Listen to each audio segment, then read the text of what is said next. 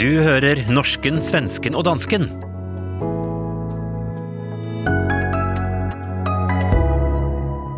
Flemming Rose, du var kulturredaktøren i Jyllandsposten som publiserte tegningene 15 år efter krisen. Hvor befinder du dig nå fysisk? Øh, jeg befinder mig fysisk i, øh, i Danmark for tiden.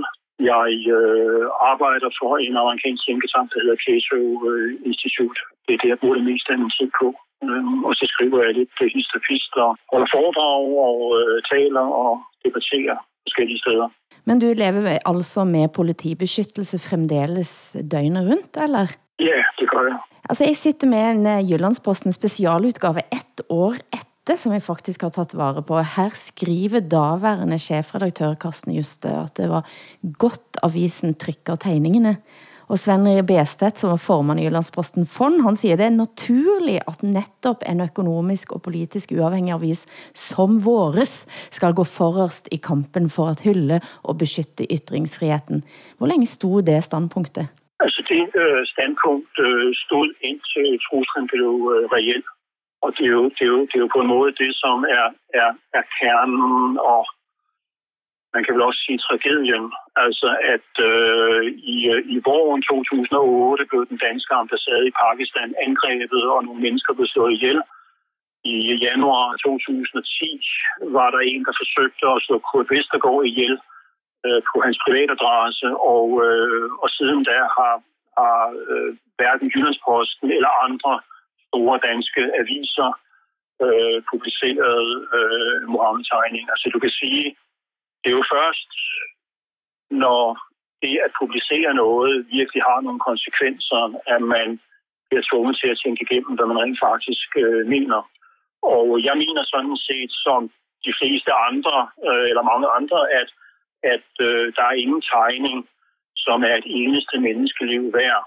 Men problemet er for os som redaktører eller journalister, hvad man gør, når der er andre, der mener, at det er værd at slå ihjel på grund af en tegning.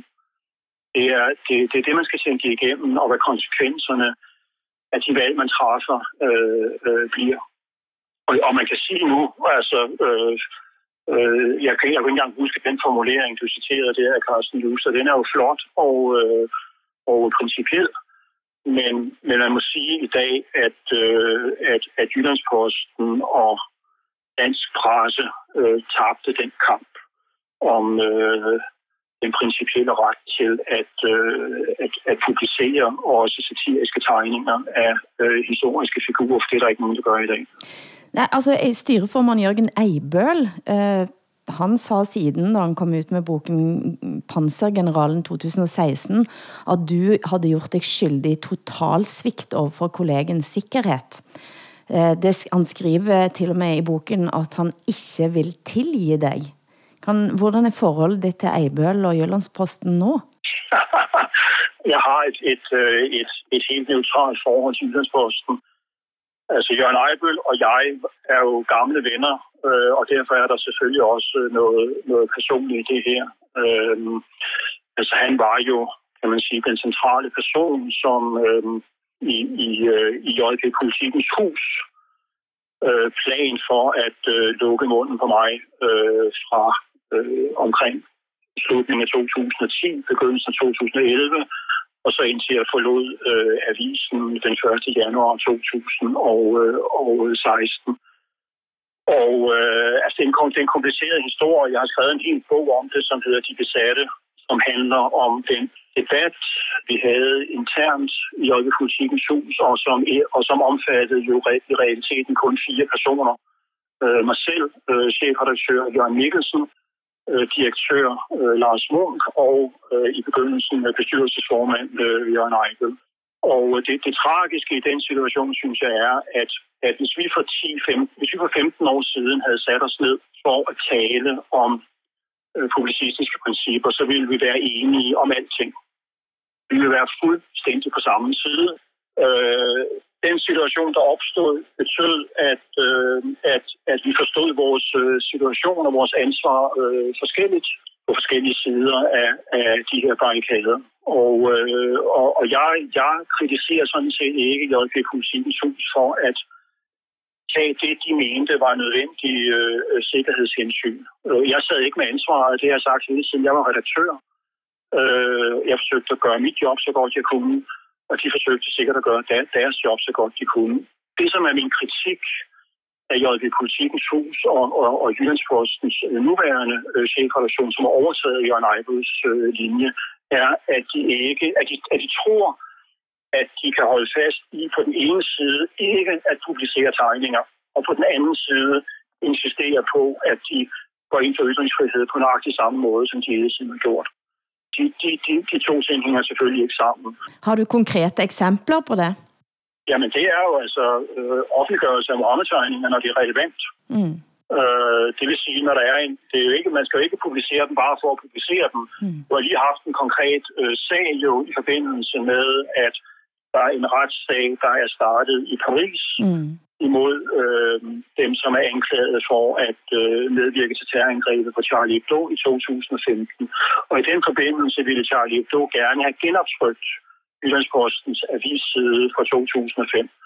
Og det nedlagde øh, Jyllandsposten veto imod. Mm. Det ville man ikke øh, øh, være med til, og man brugte sin ret til, øh, til, til, til copyright.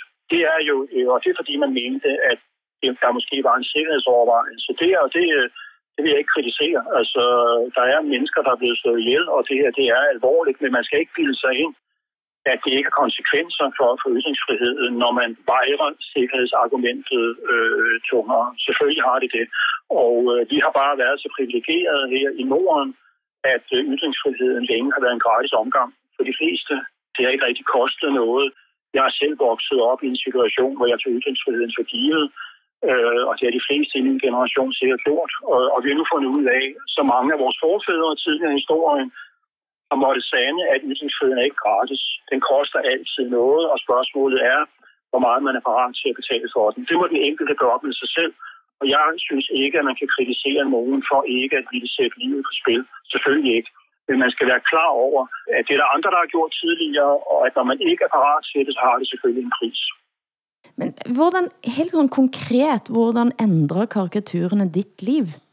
Jeg tror sådan set ikke, at karikaturerne har ændret mit liv så meget, altså i den forstand, at det har ændret mig som person og min, og min livssituation og sådan. Altså, jeg var jo et, et voksen menneske. Jeg, jeg var gift, jeg havde stiftet familie, jeg havde et, øh, et godt job, som jeg kunne lide, og jeg havde øh, måske det meste af min karriere øh, bag mig. Øh, så, så i den forstand kan man sige, at, at selvom jeg selvfølgelig at jeg, at jeg lever med en sikkerhedsudfordring øh, og, og skal koordinere mit liv med, øh, med livvagter og så videre, så lever jeg egentlig et nogenlunde øh, normalt liv. Men du kan sige, det har selvfølgelig påvirket mig på den måde, at jeg var nødt til at tænke igennem, hvad jeg rent faktisk mener mm. om, øh, om, om nogle fundamentale ting. Altså selvcensur, ytringsfrihed, hvor går grænserne, øh, hvordan skal vi håndtere nogle af de her dilemmaer øh, osv.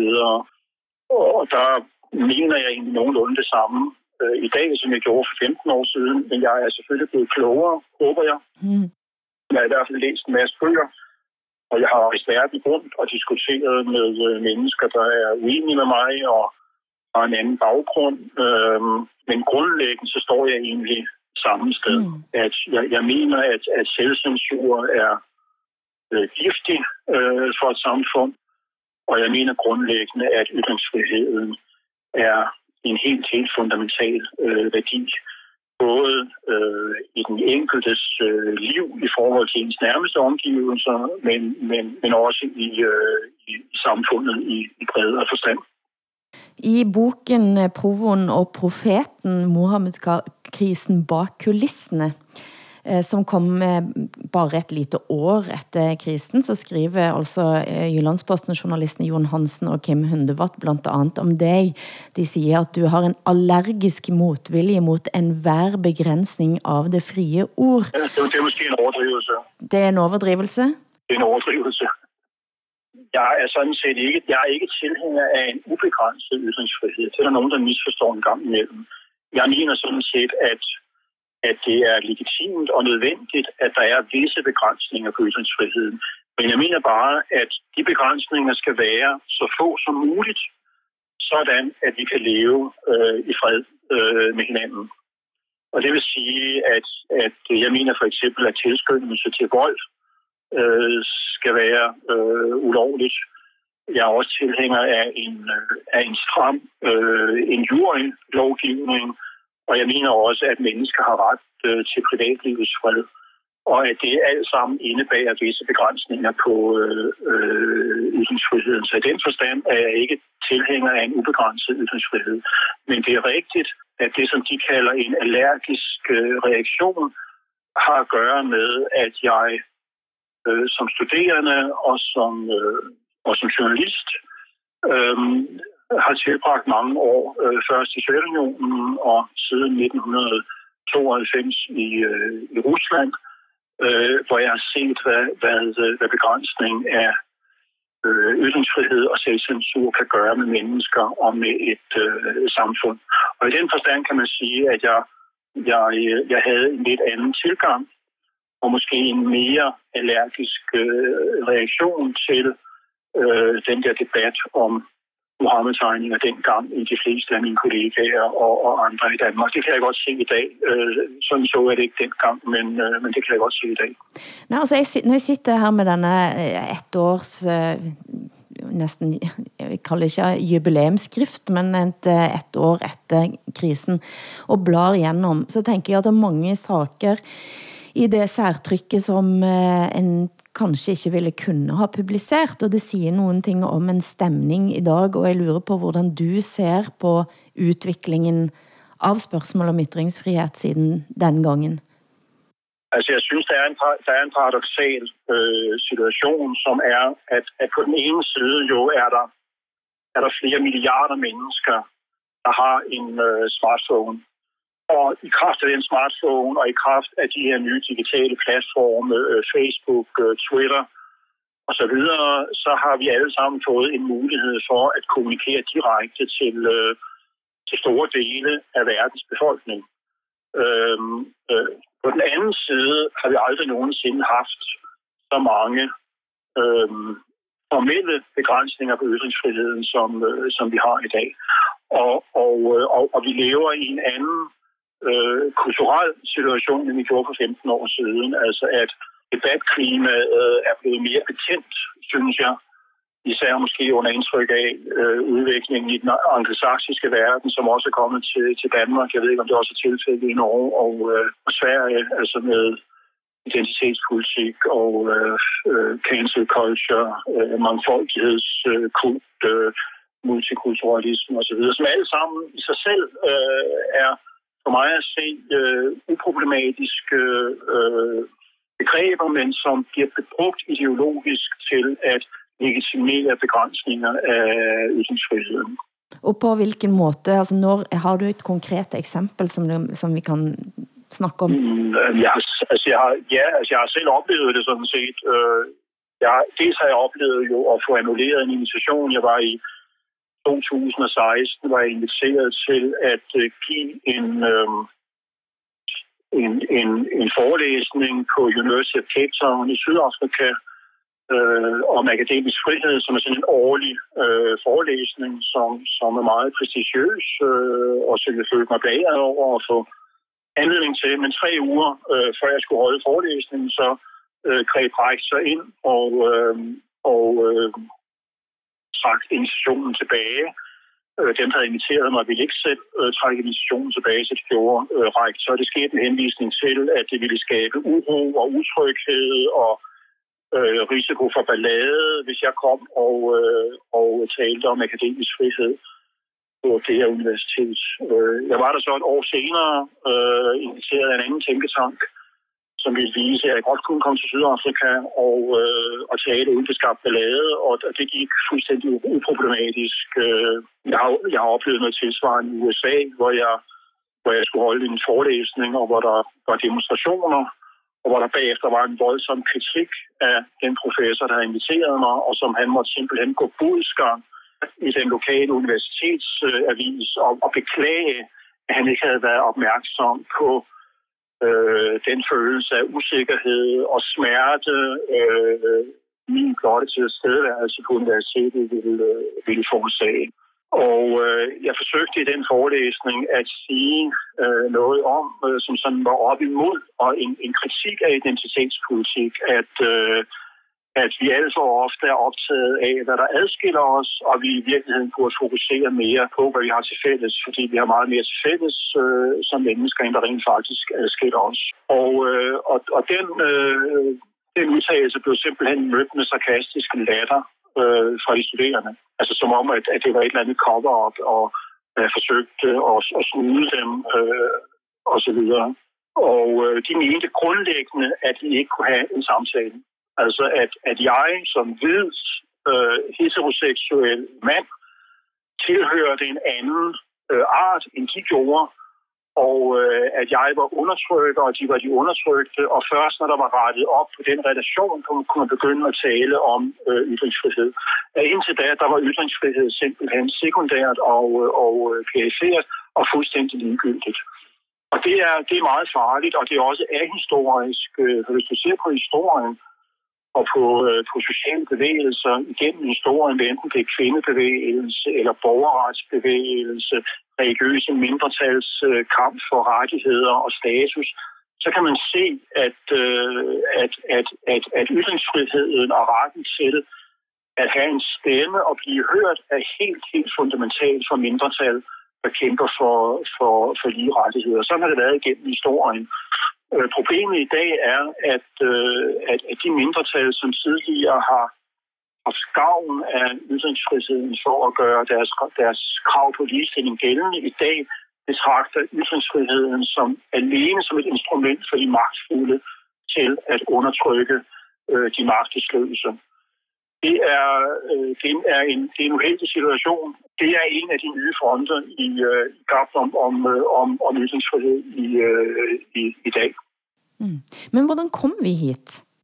Altså jeg tror, der, der, der, der, der findes ikke kun én forklaring. Der er rigtig, rigtig mange forklaringer på det, som har noget at gøre med, med uddannelsessektor, øh, vores forestilling om, hvad mennesket er, hvad det kan, og hvordan, øh, og hvordan man bedst håndterer øh, uenighed og øh, konflikter, øh, indvandring, og det, at øh, vores samfund bliver mere og mere mangfoldigt, når det gælder kultur, etnicitet og religion, er, er, er også en afgørende forklaring øh, tror jeg. Og så selvfølgelig den digitale teknologi, som er en, en, en revolution, som kan sammenlignes med indførelsen af trykpressen med, med Gutenberg i, øh, i 1400-tallet, som jo revolutionerede øh, de vesteuropæiske samfund på den måde, at de på den ene side førte til reformation. Altså Luther og, og, og protestantismen er jo utænkelig, og reformationen er utænkelig uden øh, trykpressen og muligheden for at at distribuere øh, sine skrifter og, og, og pamfletter, hvad det ellers var.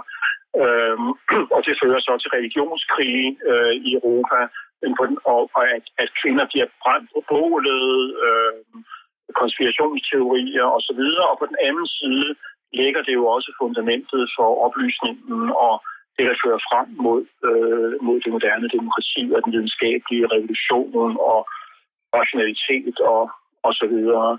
Øh, men, men, men det indebar en, en fundamental forandring øh, af den måde, man kommunikerede, og den måde, folk havde adgang til den, den offentlige debat på.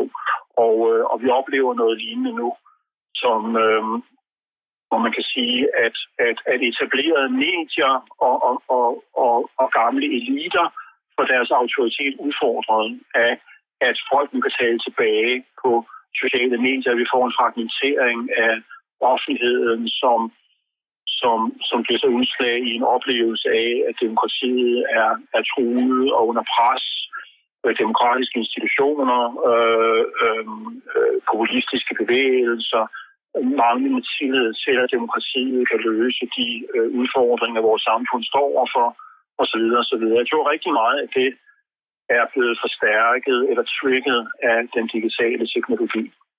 Men en av de store spørgsmålene som du eh, her er innom er jo selvfølgelig, skal man ha mer eller mindre demokrati i et heterogent samfund, i et flerkulturelt samfund?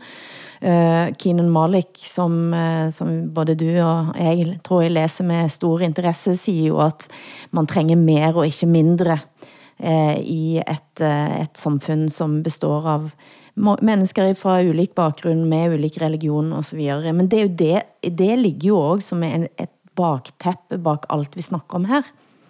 Helt klart. Altså du kan sige, den, den, den, den, den fundamentale udfordring er jo det her med, altså, at når vores samfund bliver mere og mere mangfoldigt, så vil jeg sige, og det vil Kenan Malik også, at øh, det betyder jo så ikke, at vi skal have mindre ytringsfrihed, men vi skal have mere ytringsfrihed for at give plads den mangfoldighed, øh, der er. Men de fleste politikere og mange i den offentlige debat mener, at svaret på mere mangfoldighed, når det gælder kultur, er mindre mangfoldighed, når det gælder ytringer. Øh, og det mener europæiske politikere øh, også. Og, øh, og, og det mener jeg helt klart er et svaghedstegn, og det er også noget af det, der driver øh, selvfølgelig dynamikken her, at, at, øh, at, at mange tror, at den bedste måde at sikre den sociale fred på, det er at kriminalisere nogle flere ytringer. Både når det gælder islamister til den ene side og højre populistiske bevægelser øh, på den anden side. Det tror jeg ikke. Øh, jeg tror, at, at der er behov for øh, mere plads til ytringer og ikke mindre plads til ytringer. Men det er så også vigtigt at sige, at, at præmissen for det her er selvfølgelig, at vi erkender, at mangfoldighed er vanskeligt. Altså mangfoldighed er smertefuldt. Øh, det, er ikke, det er ikke en fest øh, og, og altid behageligt at skulle lytte til ytringer, man hader. Ytringer, man, man aktivt ikke bryder sig om, og som er i strid med, hvad man selv tror på, og de værdier, man har. Det, det, det, det gør ondt. Øh, mangfoldighed er ikke, er ikke let. Det er, det er ekstremt svært, og det indebærer øh, smerte og konfrontationer og, øh, og spændinger. Øh, men jeg mener, at det er det, er det, man, det, er, det, er det, man må acceptere, hvis man gerne vil leve i et mere mangfoldigt øh, samfund. Jeg har lagt mærke til, at i, i Sverige som, eh, så går nå debatten efter, at eh, danske Rasmus Paludan har været over for at sætte fyr på Koranen igen. Eh, og der er det flere muslimske repræsentanter og politikere, som siger, at nej, vi skal ikke svare med vold, vi skal svare med politisk arbejde for at forby den typen handlinger vil bruge demokratiet til at forby eh, krænkning av religion på den måten. Er, hvad tænker du om den vejen at gå? Ja, men jeg mener, det er, det er, øh, det er utopisk. Altså, det er utopisk og farligt, og, øh, og, og det, er, det er opskriften på, hvordan man øh, får med et mere autoritært øh, styre. Hvis man ser historisk på det, så er der to principper, som autoritære ledere altid bruger, når de skal legitimere begrænsninger på ytringsfriheden. En, det er det, vi øh, bredt fortalt kalder hate speech, og det er det, som man beskylder øh, øh, Paludan for med god grund. Det er hate speech, øh, det han øh, praktiserer, og det andet, det er fake news. Hvis du går tilbage til øh, Vladimir Lenin og, og etableringen af Sovjetstaten, så var det faktisk de to ting, han brugte som, øh, som legitimering for at, øh, at, at afskaffe pressefriheden i øh, den unge sovjetstat i 1918. Det var udbredningen, ud, udbredelsen af, øh, af fake news og, øh, og, og øh, hate speech. Øh, så man skal altid være på vagt, når politikere øh, bruger den slags argumenter, også selvom de, de, øh, de kan gøre det med de bedste hensigter. Fordi det er ofte sådan, at for det første er, er definitionen på en krænkelse jo aldrig nogensinde objektiv. Altså, som, som man siger i USA, øh, den ene mands hate speech er den anden mands øh, poesi.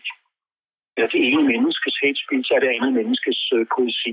Der findes ingen objektiv, øh, øh, klar definition på, hvad hate speech er, og der findes ingen objektiv definition af, hvad en krænkelse er. Det er derfor, det er derfor, øh, øh, hate speech-lovgivning er så problematisk, øh, og at alle lande bakser med den her lovgivning. Altså, der vil altid være et pres for at udvide den, øh, og det vil altid være nogle definitionsproblemer af, hvad der er almindelig øh, legitim kritik, og hvornår grænserne for legitim kritik bliver øh, af en sådan karakter, at det er nødvendigt at, øh, at forbyde en, øh, en, en ytring jeg ønsker selvfølgelig øh, Sverige alt muligt held og lykke, men, men øh, jeg vil sige, hvis man ser på historien, så, så, så er det måske ikke øh, den bedste vej at gå. Hvordan var forskellen på mottakelsen av karikaturstriden da i eh, Norge, Sverige og Danmark? Jeg, jeg, jeg kender mest til situationen i, øh, i Danmark og Norge, fordi det er, jeg, det er der, jeg har tilbragt mest tid. Jeg har været i Sverige og debattere øh, Mohammed-tegninger, og jeg har også været med i, øh, i et par debatprogrammer i svensk tv.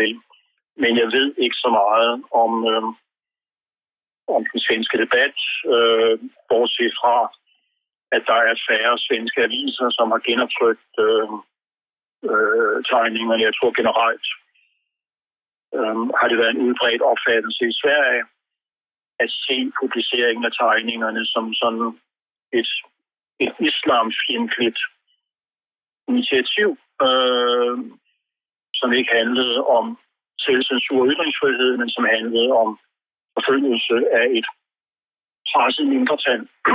og, og, og, og, øh, og det synspunkt findes også i Danmark og Norge, men, men i Danmark og Norge øh, tror jeg, at der er en, hvad skal man sige, at, at, at der er to nogenlunde lige store lejre, hvor der er nogen, der mener som flertal i Sverige, at øh, det her det har handlet om at krænke et svagt mindretal, og så er der dem, der mener, at det har været øh, en, en vigtig debat, som handler om ytringsfrihed, selvcensur og ytringsfrihedens grænser i et multikulturelt øh, øh, demokrati. Jeg vil sige, at jeg tror sådan set, at, at Norge måske er det land, hvor debatten om tegningerne har haft den, den mest transformative effekt. I den forstand, at Norge måske i begyndelsen, i første fase af debatten om tegningerne, var tættere på Sverige end på Danmark, mens at Norge i løbet af de sidste 15 år har bevæget sig i retning af den danske position, og hvis man siger bredere på ytringsfrihedens status, så mener jeg helt klart, at Norge Altså Norge er det land i, i Norden, hvor, hvor, hvor ytringsfriheden i dag har det bedst. Øhm, når man ser på det øh, lovgivningsmæssigt. Øh, Norge, Norge bruger øh, sin racismeparagraf meget mindre og meget mere afgrænset end, øh, end, end Danmark og Sverige. Norge afskaffede blasfemiparagrafen før øh, Danmark. Norge har ikke kriminaliseret øh, øh, det, der hedder glorificering af terror. Det har man i både Danmark og i, øh, i øh, Sverige. Så jeg mener på, at jeg, jeg, jeg, jeg, jeg tror, at, at, øh, at, at debatten om, øh, om tegningerne måske i virkeligheden har haft den største indflydelse på debatten i Norge og har forandret mest i debatpositionerne i Norge, øh, end, end de har i Danmark og Sverige. Jeg må stille spørgsmål, selvom jeg ikke havde afklart på forhånd, men eh, Jonas Gahr Støre er jo nå eh, statsministerkandidat. Eh, med ditt minne om han under karikaturstriden, er det en god idé? jeg, vil, jeg vil ikke blande mig i den, i den, øh, i den norske debat. Jeg kender ikke, jeg kender ikke øh, øh, Jon Gahr Støre. Jeg har faktisk aldrig truffet ham. Men jeg har mødt øh, næst for kvinden i Arbejderpartiet, Katja Tajik, som jeg har stor respekt for, og som jeg synes er meget klar øh, i, i de her debatter. Og jeg håber da, at hun øh, vil øve en positiv indflydelse på sin partiformand, når det gælder øh, den her debat. Er tilstand for ytringsfriheten bedre eller dårligere nu, end den var for 15 år siden? Vi, er, vi er et helt andet sted, som jeg sagde, med teknologien, fordi vi har fået digitale platforme og sociale medier, som jo har givet mange flere muligheder for at ytre sig, end tilfældet var for 15 år siden. Men vi har også fået meget mere regulering. Og, og, øh, og, og Facebook og, og Twitter øh, så fjerner jo millioner af posteringer, øh, altså hver måned. Jeg, jeg mener, at vi er i sådan en, en opbrudsfase, øh, i en overgangsfase, hvor vi endnu ikke rigtig har fået formuleret nogle nye øh, normer og spilleregler for, hvordan vi interagerer i den her nye digitale øh, virkelighed. Og det, Altså bare for at give dig et eksempel. Noget, noget af det, som gør det virkelig vanskeligt, det er jo, at man på den ene side har en, øh, har en stærk krænkelseskultur. Altså der er en tendens til, at, at man kan spille øh, krænkelseskortet, hvis der er nogen, der siger noget, man ikke bryder sig om. På den anden side har vi også mange flere tilfælde af konkrete krænkelser på øh, digitale platforme, end man har haft øh, før. Så, så, så hvordan håndterer du det? Altså at du på den ene side har et reelt problem med et voksende antal af krænkelser på digitale platforme, samtidig med, at der er en, en, øh, en krænkelseskultur, som er med til at underminere øh, ytringsfriheden og øh, legitimere, at man, at man begrænser, øh, hvad der tidligere var øh, legitime ytringer. Det synes jeg er, et, er et konkret dilemma, øh, og gør det utroligt svært at afgrænse og, øh, og definere i den her situation. Hvem er dine helter? Altså, jeg er jo enormt påvirket af, at jeg har læst russisk, og jeg har studeret i Sovjetunionen, og jeg har været korrespondent i øh, Sovjetunionen og, øh, og Rusland, og jeg er russisk gift, og jeg har jeg har arbejdet i Dansk Flygtningehjælp med integration af flygtninge fra det daværende Sovjetunionen, Øh, og via det arbejde kom jeg i kontakt med øh, dissidenter i øh, Europa og i Sovjetunionen. Og, og, og det er på en måde, det er der, at mine, øh, altså mine værdier og mit øh, syn på individuel frihed og intellektuelt mod og så videre blev formet.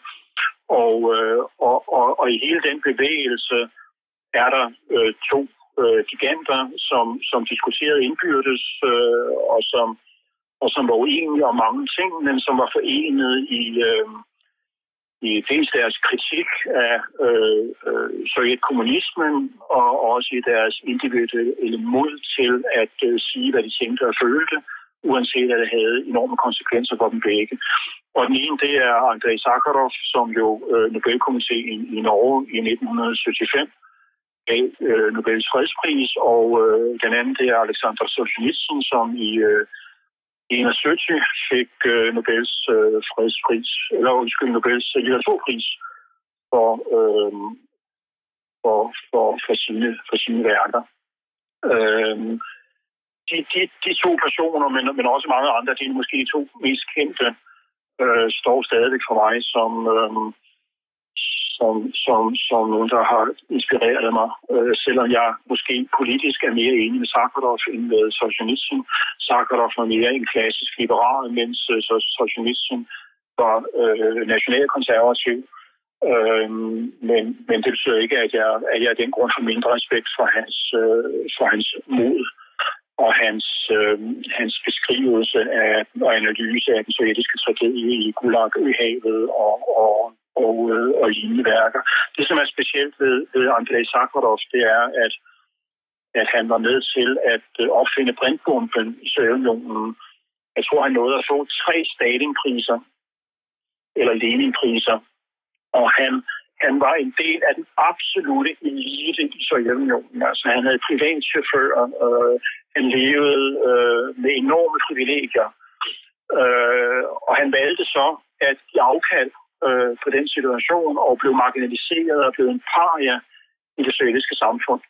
Det vil sige, han, han, han, han, han mistede utrolig meget øh, af et komfortabelt liv øh, i toppen af den sovjetiske elite med penge og mulighed for at rejse øh, og så videre, og så videre. Alt det kan han afkende på, øh, øh, fordi han var uenig med det sovjetiske regime. Først fordi han fik samvittighedskvaler, da han så hvad, øh, hvad brintbomben øh, kunne bruges til, og hvordan den sovjetiske ledelse øhm, øh, øh, brugte øh, den teknologi i sine strategiske overvejelser og planer, så bag, langsomt bagefter øh, i et opgør med øh, det sovjetiske system og, øh, og den ideologi. Og han gjorde rent faktisk det, at, at, at han tog rundt og, øh, og, og overværede retssager øh, rundt på forskellige steder i Sovjetunionen, fordi hans blotte tilstedeværelse, fordi han var en kendt person, gjorde, at der blev skabt opmærksomhed omkring de her individuelle skæbner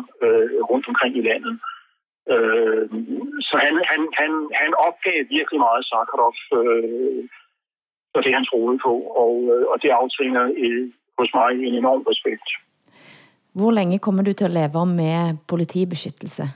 Det skal du ikke spørge mig om. Det ved jeg ikke. Altså, øh, du kan sige, for 10 år siden, så tænkte jeg, at det her det går over på et tidspunkt. Altså efterhånden, som tiden går. Øh, og jeg vil sige, det var først efter angrebet på Charlie Hebdo i 2015, at det gik op for mig, at, at der måske ikke er nogen sidste udløbsdato på den her situation for mig.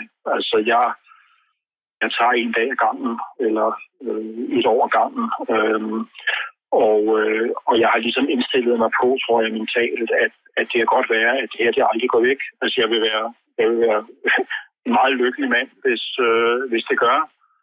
Men, men, men jeg har mentalt forberedt mig på, at, øh, at, at det skal jeg nok ikke regne med, øh, er tilfældet. Hvad der selvfølgelig er, altså det er jo det er en meget mærkelig øh, situation. Altså, jeg skal ikke klage, og jeg vil sige, at jeg har jo den danske stat bag mig. Det, det er Altså, jeg føler mig ikke troet sådan fra dag til dag. Det er bare en masse praktisk bøvl og, og invasion af ens privatliv, og man skal koordinere osv. Men, men grundlæggende så handler det om at gøre det, man altid har gjort. Altså at forstå, at den sikkerhed er der netop for, at jeg skal kunne leve mit liv, som jeg vil.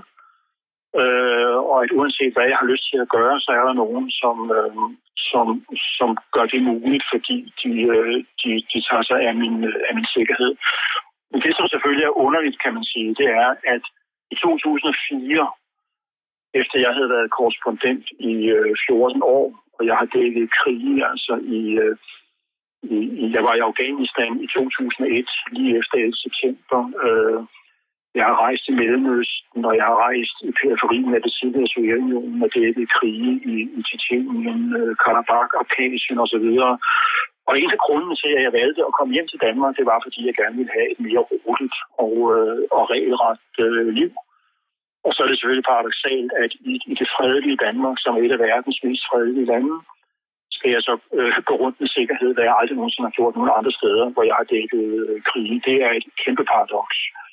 Øhm, men altså grundlæggende, så klager jeg ikke. Altså jeg, jeg, jeg, jeg kunne have trukket mig fra den her debat for 10 år siden, for, for 12 år siden.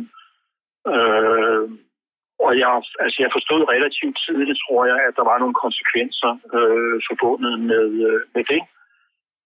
Og, øh, og jeg, jeg fortryder ikke. Altså jeg, de, de der ting, som er på spil i den her debat, øh, har at gøre med, hvordan jeg forstår mig selv, og den identitet, jeg har, og de ting, som jeg synes er vigtigt øh, i, øh, i livet for mig selv, og de mennesker, jeg holder af, og det samfund, jeg bor i. Øh, så, så på den måde, så, så, så fortryder jeg ikke noget, og jeg klager ikke. Altså, jeg har jeg, jeg, jeg tager min skæbne på mig og, øh, og forsøger at få det bedst muligt ud af det. Men du har i alle fall skrevet en bok, som heter Hymne til friheten. Eh, tusen tak, eh, Flemming Rose, eh, for eh, denne samtalen. Dette er Norsken, Svensken og Dansken.